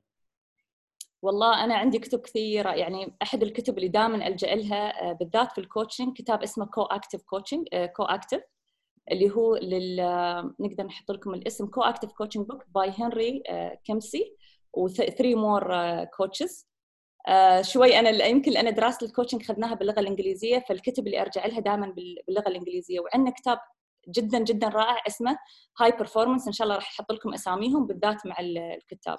ترجعوا لهم إن شاء الله. أنا كنت برايكم كتاب بس خليني أشوف ما أدري وين صار. عندنا أخت عواطف الحمادي كاتبة كتاب لا تحزن للدكتور عائض القرني. أكيد هذا كتاب أنا أعتبره في كل منزل يعني لا يخلو من أي منزل. طبعا كتاب رائع. آه، في سؤال بس أنا كنت حابة أرد عليه كوتش فهد اللي هو I want to change to be the best version of me. آه، أخوي عبد المجيد. طبعا أنا أقدر أقول لك كل إنسان يبغى يتغير لأفضل حال ولكن في النهاية هو اختيارك أنت. يعني إحنا نقول دائما حياتك أنت مسؤول عنها. وإذا تبى تغير اسأل نفسك كم سؤال. شو هدفك من التغيير هذا؟ وشو اللي تبى تغيره فيك؟ فأول شيء طبعا أنت قبل ما تبدأ تغير لازم تعرف نفسك شو نقاط قوتك شو النقاط اللي تبى تعدل عليها وأنصحك أنصحك ان تاخذ فيدباك وتسأل اللي حولك عن رأيهم عنك وتبدأ هني تبدأ رحلة التغيير. والله يوفقكم جميعا يا رب. جميع إن شاء الله يعطيك العافية ما قصرتي. أخوي عبد الرحمن عنده سؤال هذا بنجاوب عليه بعد ما الأخت سلطانة تخلص فقرتها لأن سؤالك طيب جدا. أتوقع إن إحنا غطيناه في آه، حلقاتنا في المجالس الأسبوعية أو المجلس الذكي اللي نسويه بشكل أسبوعي اللي هو ما بعد الحجر المنزلي آه، والعمل عن بعد. ما هي المشاكل الوظيفية التي تواجه الموظفين بعد عودتهم للعمل؟ هذه إن شاء الله بنتكلم فيها بعد ما تخلص سلطانه الكلام لأن إحنا غطيناها بس فذكر فإن الذكرى تنفع المؤمنين. سلطانة لك الوقت وبسم الله نتوكل على الله. آه يا مساء الخير يعطيكم العافية يعطيك العافية كوتش فهد يعطيكم العافية سارة دكتور وجدي نوال ابتسام. يعني أشكركم على هذا الجمعة الطيب. إن شاء الله يكون دائما أقول نعين ونعاون ونستفيد ونفيد وأنتم ما شاء الله غطيتوا يعني جانب كبير. من انتقالي وسماعي لمواضيعكم الجميلة الشيقة اللي أنا وغيري في هذا المجلس يستفيد منكم. جينا لموضوع اختلف فيه كل شخص وفي العالم أجمع موضوع السعادة آه، وجودة الحياة خلينا نقول. لأنه جودة الحياة هي عبارة زي نقول زي أمبريلا لموضوع السعادة. آه، أنا ما أطمح لأن أكون سعيد لكن أطمح لأن تكون حياتي ذا جودة عالية وذا جودة جميلة. طيب لو نيجي نبغى نسأل الجميع هل أنت سعيد؟ هذه العبارة اللي دائما ذكرت في كل مكان وفي كل مجال بينك وبين نفسك وبينك وبين مجتمعك وبينك وبين أهلك في البيت هل أنت سعيد؟ طب هل أنت ناجح؟ آه، اختلف الكثير من العملاء من العلماء بيننا وبين بعض معنى معنى السعادة يختلف ما بيني وبين الحضور ما بيني وبينكم كل شخص عنده معنى السعادة تختلف.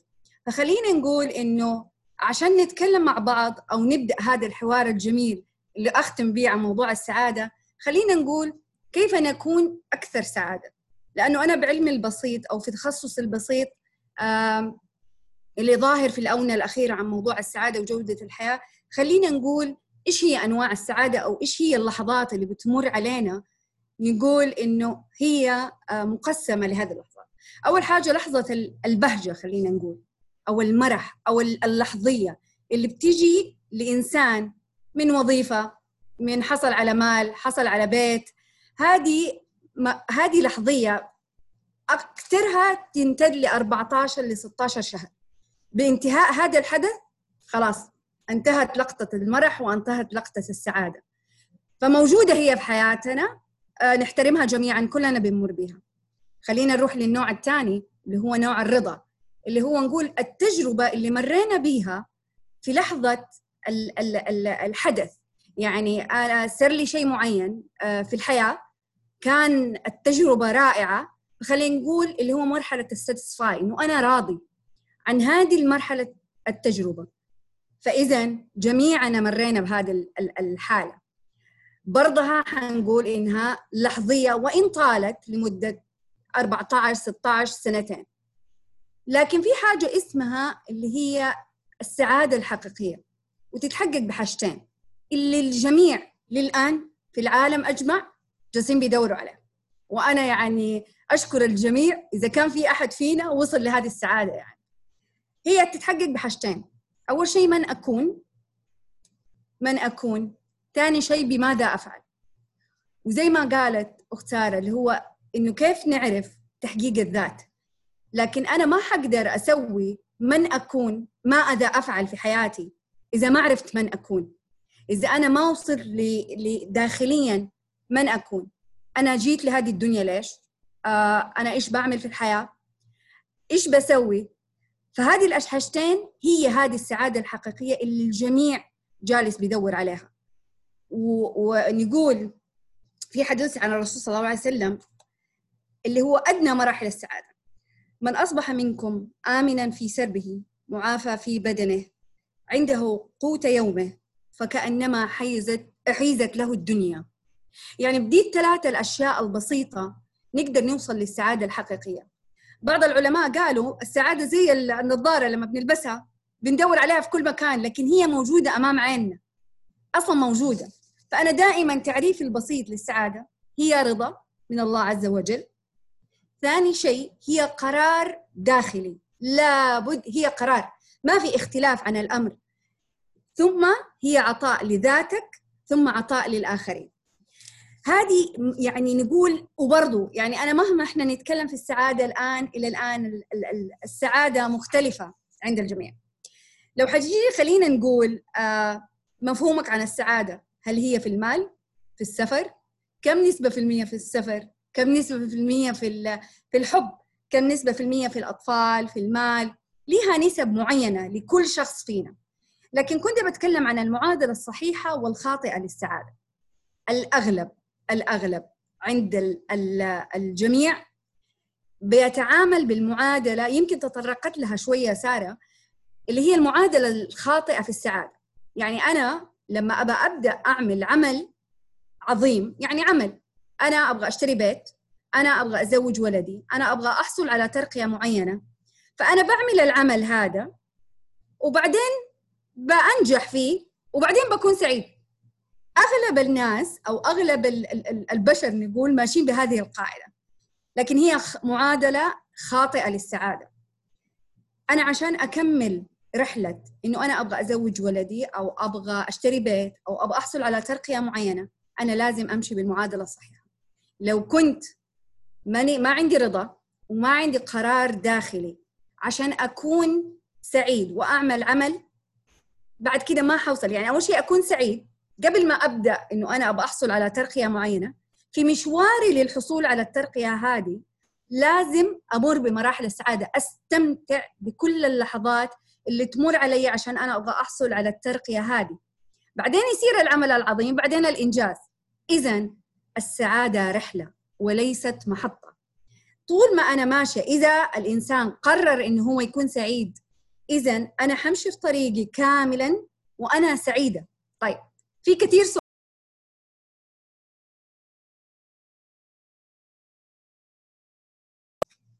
سوري طيب في كثير بنسأل سؤال أو يسألوه المهتمين بثقافة السعادة طب أنتوا طول الوقت مبسوطين وسعيدين؟ هذا السؤال دائما يعني أنا ممكن أي أحد من الحضور طب انت مبسوطة وسعيدة طول الوقت ما دام انت مدير عام للسعادة أو كوتش سعادة أو لا أنا إنسانة أو الناس في هذا المجال جدا طبيعيين بيتعاملوا بجميع مشاعر آآ آآ نقول التحدي مشاعر البهجة مشاعر الصعوبات لكن الإنسان السعيد هو الذي قرر إنه يكون سعيد. فلما حتجيله تحديات أنا أقول زي موج البحر. لما بيجي على الإنسان هو في مواجهة الموجة صح؟ لكن هو مقرر إنه هو يكون سعيد ومخلي السعادة رحلة. هل الموجة لما حتيجي تصدمه؟ يا إنه حترميه بعيد. يعني يا إنه الموجة حتاخده بعيد أو إنه هو يتحدى الموجة وياخذها فالإنسان السعيد قرر إنه هو يتحدى الأمواج ويتخطى الصعاب يعيش اللحظات حقت التحديات يوم يومين بس ما يطول. يرجع stand up تاني يوقف يشوف أهدافه واضحة وبعد كده ينطلق في الحياة. فخلينا نقول إنه دائما السعادة تتوقف في نظرية اللي هي 10 90 10% من أفكارنا و90 من ردة فعلنا. أغلب البشر يتعاملوا بهذه الطريقة. يعني أنا كل ما إنه فكرت إنه مثلا آه اليوم من الصباح صار لي موقف آه عبس علي طول اليوم. اذا أنا أبغى أكون يومي سعيد.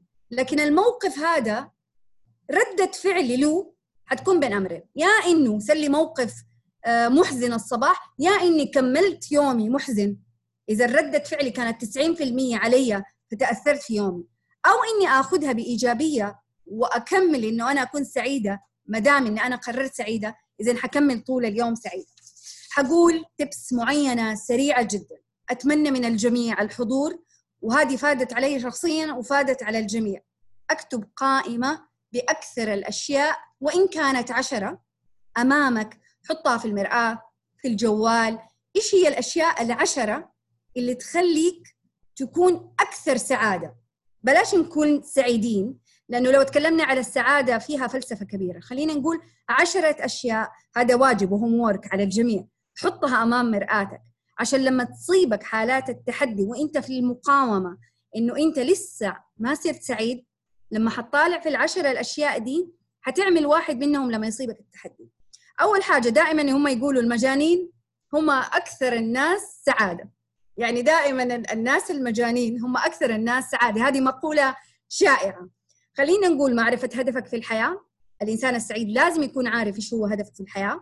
ثاني النفس ثاني حاجة إنه أنت تعطي نفسك دفعة قوية من الثقة. أنت إنسان سعيد وعندك قرار اذا أنت واثق من خطواتك. واثق لما يكون عندك تحدي أنت حتكمل مشوارك. ثالث حاجة إنه أبدأ بتعليم نفسك. الإنسان السعيد ما يترك كده يعني ما يترك ابدا. دائما يكون في دائرة العلم والتعلم. دائما. ودائما يكون على خالق للتوازن أخلق التوازن ما بين حياتك العملية وحياتك الوظيفية أخلق التوازن ما بين حياتك الأسرية وحياتك المجتمعية. لازم يكون الإنسان السعيد عنده خلق للتوازن. حاجة ثانية زي ما قالت سارة فكر في اللحظات الإيجابية. استشعر لحظات السعادة وإن كانت بعض اللحظات تمر علينا وهي تحدي دائما أتمنى من الجميع ولو نستفيد بحاجة واحدة إنه ما نقول كلمة مشكلة. هذه ملغاه في قانون السعادة ما في حاجة اسمها مشكلة اسمها تحدي. ابدا الإنسان السعيد لازم يغير هذه المصطلح إنه لازم يكون عنده تحدي. ثالث حاجة انظر على الجانب المشرق. دائما الإنسان السعيد ينظر على الجانب المشرق ويبعد عن الضارب يعني زي اللي هو يشوف الكوب الفارغ وما يشوف الكوب المليان. ثالث حاجة دائما أتواصل مع الجميع بلطف. أهل بيتك مجتمعك عملك. دائما التعامل اللطيف مع الجميع للإنسان السعيد. هذا يخليه أكثر سعادة. ورابع شيء أو خامس أو أو سادس شيء إنه دائما دائما دائما اجعل السعادة رحلة وليست محطة. مستحيل. وعلى فكرة آه هذا المجلس صح أنا في الختام دائما أقول لكم إنه السعادة معدية. يعني خالط الناس الإيجابيين لا تخالط الناس أبعد عن الناس السلبيين. فدائما السعادة معدية يعني يعني تنتقل الأفعال بالأفعال بالأفعال والأقوال. آه أنا في الأخير يعني لو تكلمنا في موضوع السعادة حنطول. وكل جوانب اللي غطوها المبدعين هي في الأخير إحنا نقول إنه آه، سعادة ولولا يعني آه، الله عز وجل يعني جمعنا من غير سبب من غير سبب. صح متباعدين لكن متفائلين. متباعدين لكن متعاونين. متباعدين لكن سعيدين إن شاء الله بهذا المجلس. يعطيك العافية يعطيك العافية كوتش فهد. أنا سعيده إني قدمت ولو جزء بسيط من موضوع السعادة. جزاك الله خير مشكورة جدا. وصراحة أنتم مشاركاتكم كلها ذهب مثل ما بيقولون يعني ذهب وجوهرات مين ما تسمونها بس ما شاء الله اضفتوا قيمة كبيرة. أنا شخصيا يعني على أساس إني ها طيب تشوفوا شو كاتب يعني ها, ها كاتب وايد. آه فصراحة أنا شخصيا استفدت منكم وإن شاء الله الجمهور يكون مستفيد منكم أو أنا متأكد مستفيد بشكل كبير. آه في بعض الأسئلة أتوقع آه آه في موضوع كتاب انه يبون راينا في موضوع عدة كتب. أنا صراحة ما قريت هالكتب ما عندي خلفية بس أتوقع في The Power of Now أتوقع أنا بقرأه بعطيكم ملاحظات يمكن في فيديو مستقل سواء على ال social media وغيره آه الأخت حليمة تقول بخصوص موضوع الكتاب والله ما أدري ممكن الكل وانت ممكن جماعة أنتم تتابعون آه أخواننا وأخواتنا على طريقة ال social media أو الانستغرام. لأن بين فترة وفترة ينزلون فيديوهات ممكن تكون ثقافية توعوية علمية معارف ثقافة آراء.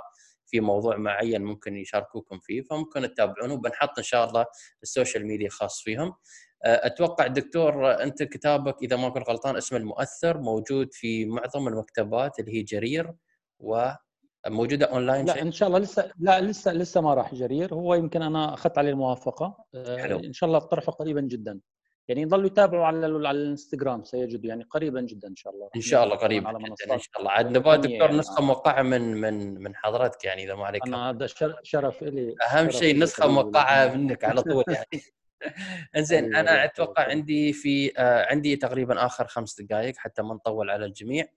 آه قبل ما ننتقل إلى كلمة تنهون فيها آه اللقاء الطيب المميز أتوقع أتوقع كان في سؤال عند آه، سارة لساره كان في سؤال لك إذا ما كنت غلطان ما أدري جاوبتي عليه ولا لا آه، بخصوص موضوع عندي سؤال استاذه سارة شكرا على الحديث الشيق بخصوص نسأل اللي حوالينا وما في مصداقية أحسهم يجاملون شو الحل؟ فأتوقع أنت جاوبتيهم بس حتى تعم الفائدة للجميع. okay أنا ما ما جاوبت عليها قلت له راح أرد عليها live على أساس إنه نفس ما قلت تعم الفائدة حلو. آه سؤالي للأخت اللي سألت إن آه أنا ابى أسألك أنت آه شو اللي يخلي الناس تجامل؟ ليش تظنين إن الناس ممكن تجاملك؟ هل في شيء معين فيك أنت فيك فيك خصال معينة سبحان الله قد تكوني مثلا تتحسسين من ردة الفعل أو كان في موقف معين أو ممكن يبين عليك في جسمك أن أنت متضايقة من ردة الفعل وبالتالي يخافون منك. فاسألي نفسك هالأسئلة هل معقولة أن العالم كله اللي حولك بيجاملك؟ ف يعني السؤال مش للناس كثر إنه لك أنت كشخص لأني أنا لما أقول لك اكتشف ذاتك اعرف نفسك أنت. فليش ممكن تسأل نفسك ليش الناس بتجاملني؟ أوكي شخص ممكن يجامل اثنين ممكن يجامل زين إيش كثر أنت بتسألين؟ هل معقول الناس كلها تجامل؟ فهذا سؤالي للأخت وإن شاء الله أكون فتها. وأنصحها طبعا وأنصح كل الاخوان والاخوات انه دائما استمروا في انكم تسألون عن رأيكم عن رأي الناس حولكم وخذوه بروح مرحة مثل ما يقولون ونقطة تطوير نفس ما قالت أختي نوال في النهاية عشان التطوير مستمر يكون لكم بإذن الله. يعطيك العافية ما قصرتي أتوقع الكل يشكر فيكم صراحة آه، يعني ما أقدر شو أقول أكثر صراحة اديتوا ووفيتوا وجماعة الحسابات الإنستغرام موجودة أساميهم اختصاصاتهم محاورهم موجودة بإمكانكم تتواصلون وياهم. بالعكس يعني شخصيا أنا شخصيا استفدت بشكل كبير وأنتم أكيد استفدتوا بإذن الله وهذه تتواصلون وياهم. وكلمة أخيرة قبل ما نختم للجميع أساس إن لحظة شوي. جماعة المشاهدين ترى تبون شهادة مشاركة؟ عايشة تقول. والله هذا لقاء حوار. لو سوينا دورة تدريبية من عيوننا والله ما بنقصر بنسوي لك اياها ممكن عن طريق الإيميل نشكركم نطرش لكم رسالة شكر على المشاركة لكل الحضور. ممكن هاي رسالة الشكر ممكن تعتبر كرسالة حضور يعني أو شيء. ممكن الحين على أساس بس نقول نسكر. إن شاء الله واضحة عند الجماعة خذيتوا screenshot ولا شو اللي ما تبونه من من بياناتهم. أساس قبل ما نختم في النهاية نبغى كلمة يعني موجزة بشكل كبير في الدقائق الأخيرة من كل شخص يعطينا إياه قبل نهاية اللقاء. آه، نبدأ بابتسام. طبعا أنت بديتي أول شيء وتريتي وايد الحين يا دورك على طول. الله يعينك. والله أنا مستمتعة باللقاء يمكن أكثر من الجمهور ومستمتعة بحديث الجميع. ومشكورين يعطيكم العافية. وفهد بعد مشكور يعطيك العافية. ومشكور يعني اللي حبيته حتى المشاركين يقترحون كتب يطرحون آرائهم. ما شاء الله يعني تفاعل يعني. يعني ثقافة جالسة تتوزع للجميع. واستانست يعني كيف يعني كلقاء عربي هذا شيء جدا يعني مفيد ومهم. آه، لأنه كلنا كعرب المفروض نتبادل الثقافة. ما بس نعتمد على الغرب يكون ما بينا هذا التواصل آه، آه، المستمر. وما نخلي أي شيء يبعدنا ونكمل حتى بعد الأزمة مو شرط الأزمة تجمعنا حتى بعد الأزمة المفروض نكمل. ومشكورين ورمضان كريم ويعطيكم العافية. الله يعافيك مشكورة. ما قصرتي. وللعلم جماعة إن شاء الله هاي طبعا بما تعرفون إن هذه مسجلة وإن شاء الله بتنعرض على اليوتيوب. وبنشارككم إن شاء الله ال link على اليوتيوب برسالة الشكر لحضوركم الندوه بتكون في رابط للحضور وبالإضافة خلال يوم إن شاء الله بتوصلكم مثل ما نقول نحن استبيان تعطونا رأيكم.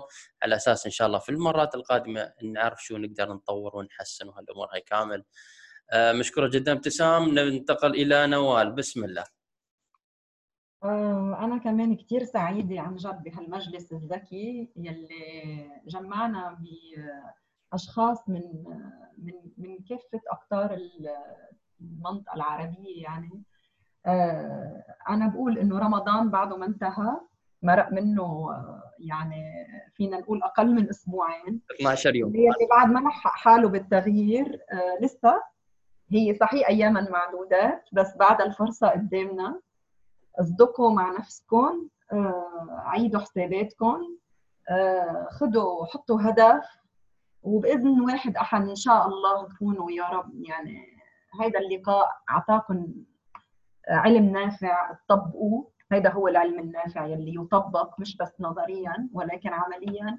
وإن شاء الله يعني تعلمنا منكم على فكرة عم ناخذ منكم معلومات. فإن شاء الله يعني نكرر هذا اللقاء coach لأنه يعني نحن كمان بنتعلم. it's journey يعني ال learning على طول مستمر. وشكرا كثير على كل اللي شاركونا وبهالوقت اللي قاعدينكم صرنا شي ساعة وشوي معنا. وسامحونا على اي يعني إذا طولنا عليكم. بس يعطيك العافية لو ما قصرتي طبعا إحنا ملتزمين بلقائنا المغلق الأسبوعي يعني اللي بعدين ينعرض بعد يوم أو يومين على اليوتيوب اللي مسجل. بس نحن ملتزمين فيه إن شاء الله ما عدا إذا كانت في إجازات أعياد هالأمور الاستثنائيه إن شاء الله بنكون موجودين. فإذا ما تتابعونا على الإيميل اللي بيوصلكم الإيميل الشكر بخصوص هالموضوع هذا والمشاركة بتوصل في بيانات التواصل مع قناة اليوتيوب اللي تنحط فيها جميع نحن التسجيلات اللي موجودة. وعندنا أكبر شكر للدكتور أو أو الخبير العقاري ماجد الخيال من فلسطين من غزة يعطيك العافية شكرا على حضورك ومشاهدتك وننتقل إلى الدكتور وجدي والكلمة لك. آه شكرا جزيلا. أخي فهد مرة أخرى انك انت جمعت هذه النخبة الطيبة آه اللي شخصيا أنا كتبت كمان يمكن أكثر منك يمكن. آه كثير استفدت. أنا يعني أتمنى كلنا نخرج بسلامة وصحة وعافية. إن شاء الله جميعا وأسركم. أتمنى إنه إحنا كيف يعني نخرج إن شاء الله أفضل وأقوى من الأول. برجع أكد على نقطة إنه آه، هناك فجوة بالتفكير بين الشخص الناجح وغير الناجح. أنا أتمنى إنه يكون الفجوة لصالحنا حتى إنه إحنا نتفوق في حياتنا ونكون أكثر سعادة. آه، شكرا جزيلا. بارك الله فيكم وسامحونا. وأتمنى إنه الكل يكون أكثر تاثيرا. فلنبدأ من الأسرة اولا الآن ونراجع حساباتنا مع الأسرة. ثم نبدأ ننطلق خارجيا آه، بإذن الله تعالى ونكون أكثر تاثيرا حتى نصعد في حياتنا. شكرا جزيلا وبارك الله فيكم جميعا. يعطيك العافية دكتور وما قصرت ننتقل إلى سارة طبعا ما عليهم زود اللي قبلي كفى ووفى وشكروك فهد وأنا بعيد مرة ثانية أشكرك على المبادرة الرائعة هذه طبعا. لا شكر على واجب طبعا. هذا الشكر موصول لكم أنتم لأن أنتم اللي, اللي سويتوا هالأمور الصح. أنا فقط حلقة وصل وكان الله غفور رحيم. بس ما شاء الله عليك حلقة وصل وبادرت ويمعتنا من من كل دول العالم العربي خليني أقول. إخواني واخواتي يعني تجمعنا في في شهر فضيل وقبلها بس كانت فترة بسيطة سبحان الله. آه، أخذنا المحنة هذه مال كورونا كفرصة وفرصة جمعتنا على خير وفرصة نحن نحقق أهدافنا وفرصة نحن نتواصل مع الناس ونتواصل من بيننا بعد. طبعا موضوعنا كان إن رمضان يكون نقطة تحول نفس ما قالت أختي نوال الثلث الأول من رمضان تو خلص وتونا بدينا الثلث الثاني. آه ما تأخرنا وكل اللي موجودين ما شاء الله معانا فوق ال 50 شخص كان. آه هذه تقدرون تعتبرونها أول نقطة تحول إن أنتم خصصتوا ساعة ونص من وقتكم تكونون معانا ومع نخبة ومعنا رواد تتعلمون منهم وإحنا نستفيد منكم. فما في شيء اسمه تأخرنا. وقدروا كل شيء صغير أنتم تسوونه حتى على مستوى أسرتكم على مستوى عائلتكم على مستوى مستواكم الشخصي وتعاملكم مع ذاتكم. فعطوا تقدير للذات عطوا تقدير لأعماركم. وإن شاء الله بإذن الله كل حد آه، يكتشف ذاته أكثر ويبدأ نقطة تحول آه، عظيمة في الفترة هذه بالذات في الشهر الفضيل هذا. ويعطيكم ألف عافية. الله يعافيك وصراحة ما قصرتي كلام جميل بالإضافة إلى جميع الأخوان. سلطانة ننهي لقائنا بكلامك الطيب. بسم الله.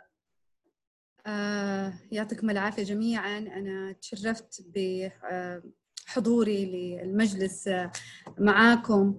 آه شكرا كوتش فهد. شكرا لكل شخص فيكم نوال دكتور وجدي ابتسام سارة بصراحة زاد علي على عاتقي تحمل مسؤولية أمام الجميع. صح هذا مجلس عربي والآن يعني دائما نقول على قول إحنا سارة دائما عندنا كلنا مسؤول وإحنا مسؤولين بعلمنا البسيط إنه إحنا نفيد ونستفيد ونعين ونتعاون. آه زي ما قلت آه آه الله جمعنا من غير حساب سبحان الله. لنقل فائدة أكبر. آه وخلينا نقول إنه رمضان تحول هو أصلا دائما شهر التحول من من قبل كورونا. ودائما في رمضان آه دائما نستعيد ونعيد بناء آه ذاتنا الداخلية. فأنا أتمنى لكم بصراحة أيام مشرقة أيام أكثر سعادة. في الأخير لازم تكونوا أنتم داخليا مقررين إنكم أنتم تكونوا سعيدين. دائما أقول في هذه الأزمة إحنا تعلمنا بسعادة تعلمنا بزيادة. سبحان الله لولا هذه الأزمة ما كنا تعلمنا إنه هذا الوقت سيمضي وما تعلمنا إنه إحنا بلادنا بخير وما كنا تعلمنا إنه إحنا جميعا على قلب واحد وما تعلمنا إنه إحنا كلها وقت وسنمضي لجيل وزمن نبدع فيه. فشكرا جزيلا لكم لا تنسوا بسعادة انه إحنا تعلمنا بزيادة. فإن شاء الله بإذن الله في لقاءات ثانية. معاكم جميعا. شكرا كوتش فهد على هذا الشيء. وشكرا لجميع الحضور من جميع الدول. يعطيكم العافية. صراحة ما قصرتوا كلام جميل ونصائح جميلة وثقافة وعلم معرفة وخبرة جميلة جدا تعلمناها منكم.